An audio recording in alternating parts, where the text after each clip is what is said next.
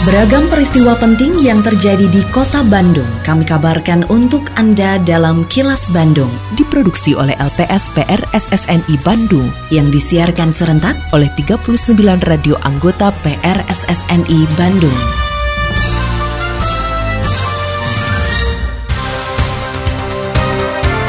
Sejumlah informasi aktual kami hadirkan untuk Anda dan inilah informasi utamanya. Peringati hari lahir Pancasila, Wali Kota menyebut perbedaan sebagai anugerah. Dishub Kota Bandung gelar edukasi keselamatan lalu lintas usia dini. Masyarakat diimbau membeli hewan kurban yang dilengkapi surat keterangan kesehatan. Saya, Santika Sari Sumantri, inilah kilas Bandung selengkapnya.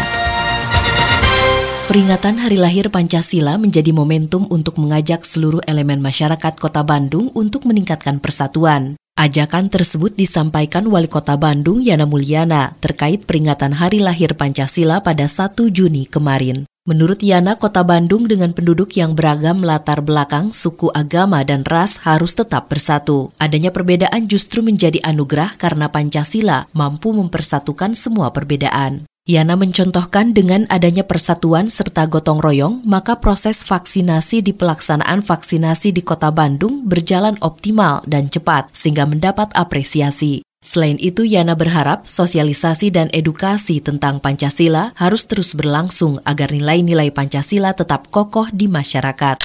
Persatuan ya, bagaimana kita bersatu menyelesaikan pandemi COVID-19 karena kalau kita nggak bersatu, proses vaksin gitu ya, itu juga kan mungkin nggak bisa seperti sekarang karena Kota Bandung itu sangat diapresiasi ya karena capaian vaksinasinya juga luar biasa karena memang Bandung terkenal gotong royong ya tadi karena rasa kebersamaan persatuannya ya karena Pancasila itu kan perbedaan itu jadi anugerah entah perbedaan suku, perbedaan ras, perbedaan agama itu justru jadi satu kekuatan di Pancasila. Itu yang harus terus disampaikan ke kaum milenial ya. Dinas Perhubungan Kota Bandung menggelar edukasi tentang keselamatan berkendara bagi kalangan usia dini. Kepala Dinas Perhubungan Kota Bandung Riki Gustiadi mengatakan, kegiatan ini sebagai upaya mengedukasi anak-anak mengenai keselamatan lalu lintas, juga merupakan refleksi dari data kecelakaan lalu lintas yang menjadi penyebab kematian tertinggi di Indonesia. Menurutnya korban kecelakaan lalu lintas didominasi pengendara usia produktif sehingga edukasi sejak usia dini dinilai penting agar mereka nantinya bisa lebih peduli keselamatan lalu lintas. Riki berharap dengan adanya kegiatan ini bisa menumbuhkan insan yang sadar keselamatan lalu lintas sehingga angka kecelakaan lalu lintas di usia produktif bisa ditekan. Kita melaksanakan program Salut Sadar Lalu Lintas Usia Dini. Kenapa ini dianggap penting? Karena memang data yang yang kita peroleh terjadinya kecelakaan lalu lintas itu memang disebabkan oleh usia produktif. Kita berharap nanti pada saat uh, mereka uh, ke depannya setelah mencapai usia produktif seperti 17 tahun dan diperkenankan oleh surat izin mengemudi sebagai pengguna jalan baik itu roda dua sehingga mereka sudah berbekal dan sudah memiliki budaya sadar diri tentang berlalu lintas dan taat berlalu lintas dan tertib berlalu lintas di jalan. Pemerintah Kota Bandung melalui Dinas Komunikasi dan Informatika atau Diskominfo terus mendorong penerapan Smart City dan Sistem Pemerintahan Berbasis Elektronik atau SPBE. Kepala Diskominfo Kota Bandung Yayan Abriliana mengatakan penguatan Smart City dan SPBE menjadi prioritas kerja organisasinya dalam pembangunan Kota Bandung tahun 2022. Menurut Yayan, penguasaan Smart City lebih menitik beratkan kepada pengelolaan kota, sedangkan SPBE adalah penguatan pelaksanaan pemerintahan berbasis teknologi informasi apa sih yang membedakan smart city dan SPB? Kalau smart city itu ada pengelolaan kota dengan inovasi teknologi, sedangkan kalau SPBE atau IGAP lebih pada pengelolaan government berbasis IT. Nah, ini Diskominfo punya peran penting di situ di smart city. Bagaimana membuatkan inovasi-inovasi yang terbaru untuk memecahkan berbagai macam perusahaan kota dan bagaimana membuat teknologi bisa dimanfaatkan gitu. Bukan hanya menciptakan aplikasi kemudian dimanfaatkan, tapi bagaimana bagaimana si uh, teknologi itu bisa dimanfaatkan dan mempermudah. Itu fokusnya kita sekarang. Hai wargi Bandung, kamu tahu nggak kalau Bandung Smart City sekarang punya aplikasi Bandung Super Apps namanya Sadayana atau Semua Digital Layanan Kota. Nah, ada menu apa aja sih di Bandung Sadayana? kamu bisa mendapatkan berbagai layanan publik, forum smart city, marketplace, kalender event, CCTV publik, open data, informasi COVID-19, virtual event, info kegawat daruratan 112 bisa didapatkan di aplikasi ini. Wih, keren banget nggak sih? Setiap user akan tergabung menjadi bagian dari Bandung Smart City Forum dan dapat mengakses berbagai layanan publik dari pemerintahan Kota Bandung. Jadi, kuy, buruan download ya. Untuk informasi lebih lanjut, kamu bisa kunjungi website www.smartcity.bandung.go.id atau download aplikasi Bandung Smart City di Google Play dan WhatsApp Bandung Smart City di 0811 259 1810. Bener-bener deh Bandung Super Apps, satu platform untuk beragam kebutuhan. Pesan ini disampaikan oleh Diskominfo Kota Bandung. Kini, audio podcast siaran Kilas Bandung dan berbagai informasi menarik lainnya bisa Anda akses di laman kilasbandungnews.com.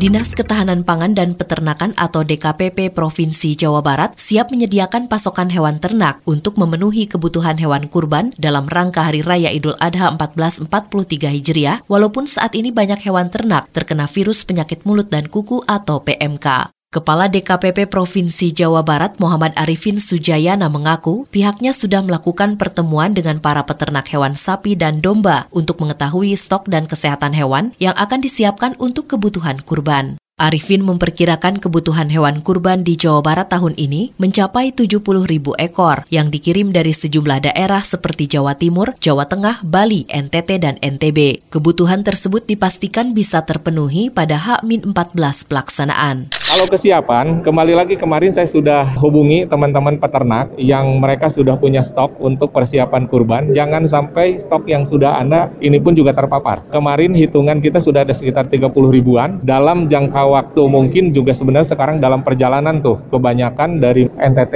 NTB, dan Bali. Karena masuknya itu ke Tanjung Priuk, kita yakini aman karena balai karantinanya ada di Tanjung Priuk. Jadi kebutuhan untuk 70 ribu mudah-mudahan itu bisa tercapai H-14 hewan yang dipersiapkan untuk kurban bisa aman dan sehat. Masyarakat yang akan membeli hewan ternak untuk kurban diimbau agar membeli hewan ternak yang sudah memiliki surat keterangan kesehatan hewan dari instansi terkait. Kepala Balai Veteriner Subang pada Ditjen Peternakan dan Kesehatan Hewan Kementerian Pertanian, Dr. Hewan Sodirun mengatakan, adanya surat keterangan kesehatan hewan merupakan bukti otentik bahwa hewan dalam kondisi sehat. Selain itu, hewan tidak berasal dari daerah yang terkena penyakit mulut dan kuku atau PMK. Menurut Sodirun, masa inkubasi PMK bisa mencapai 14 hari, sehingga ada kemungkinan hewan masih terlihat sehat saat dibeli, namun beberapa hari kemudian justru jatuh sakit. Masalahnya ini masa inkubasi 2 hingga 14 hari, Pak. Pada saat kita beli, saya kasih kejadian di lapangan, pada saat kita beli sehat, di pasar sehat, dibawa pulang besoknya, tak taunya hewan yang lain pada kena. 2 hingga 14 hari. Jadi yang pastikan saja, masyarakat kalau mau beli, harus ada surat keterangan kesehatan hewan itu bukti otentik bahwa hewan itu dari daerah asal yang sehat. Macam misalnya dari Kabupaten A, Kabupaten B, belum ada kasus. Itu dinasnya akan mengeluarkan surat keterangan kesehatan hewan, ibarat sertifikat. Assalamualaikum warahmatullahi wabarakatuh. Sampurasun. Saya Kenny Dewi Kanesari, Kepala Dinas Kebudayaan dan Pariwisata Kota Bandung, menginformasikan kepada Mitra Pariwisata Kota Bandung bahwa berdasarkan Peraturan Wali Kota Bandung Nomor 44 Tahun 2022 tentang pemberlakuan pembatasan kegiatan masyarakat level 2 Coronavirus Disease di Kota Bandung. Untuk restoran, rumah makan, kafe. Waktu operasional mulai pukul 6 sampai dengan pukul 22. Waktu operasional layanan drive-thru untuk restoran dapat beroperasi selama 24 jam. Pelaksanaan kegiatan restoran, rumah makan, dan kafe yang berada di area terbuka maupun di pusat perbelanjaan atau mall dapat melayani makan di tempat atau dine-in dengan ketentuan paling banyak 75% dan waktu makan paling lama 60 menit. Ayo mitra pariwisata, bersama-sama kita wajib melaksanakan protokol kesehatan, pencegahan dan pengendalian penyebaran COVID-19 secara ketat, konsisten, dan disiplin. Iklan layanan masyarakat ini dipersembahkan oleh Dinas Kebudayaan dan Pariwisata Kota Bandung. Lindungi diri, keluarga, dan orang sekitar dari COVID-19 dengan selalu memakai masker, mencuci tangan dan menjaga jarak, juga mengurangi mobilitas serta menghindari kerumunan. Patuhi protokol kesehatan di masa adaptasi kebiasaan baru untuk mencegah penularan virus corona. Terima kasih Anda telah menyimak kilas Bandung yang diproduksi oleh LPSPR SSNI Bandung.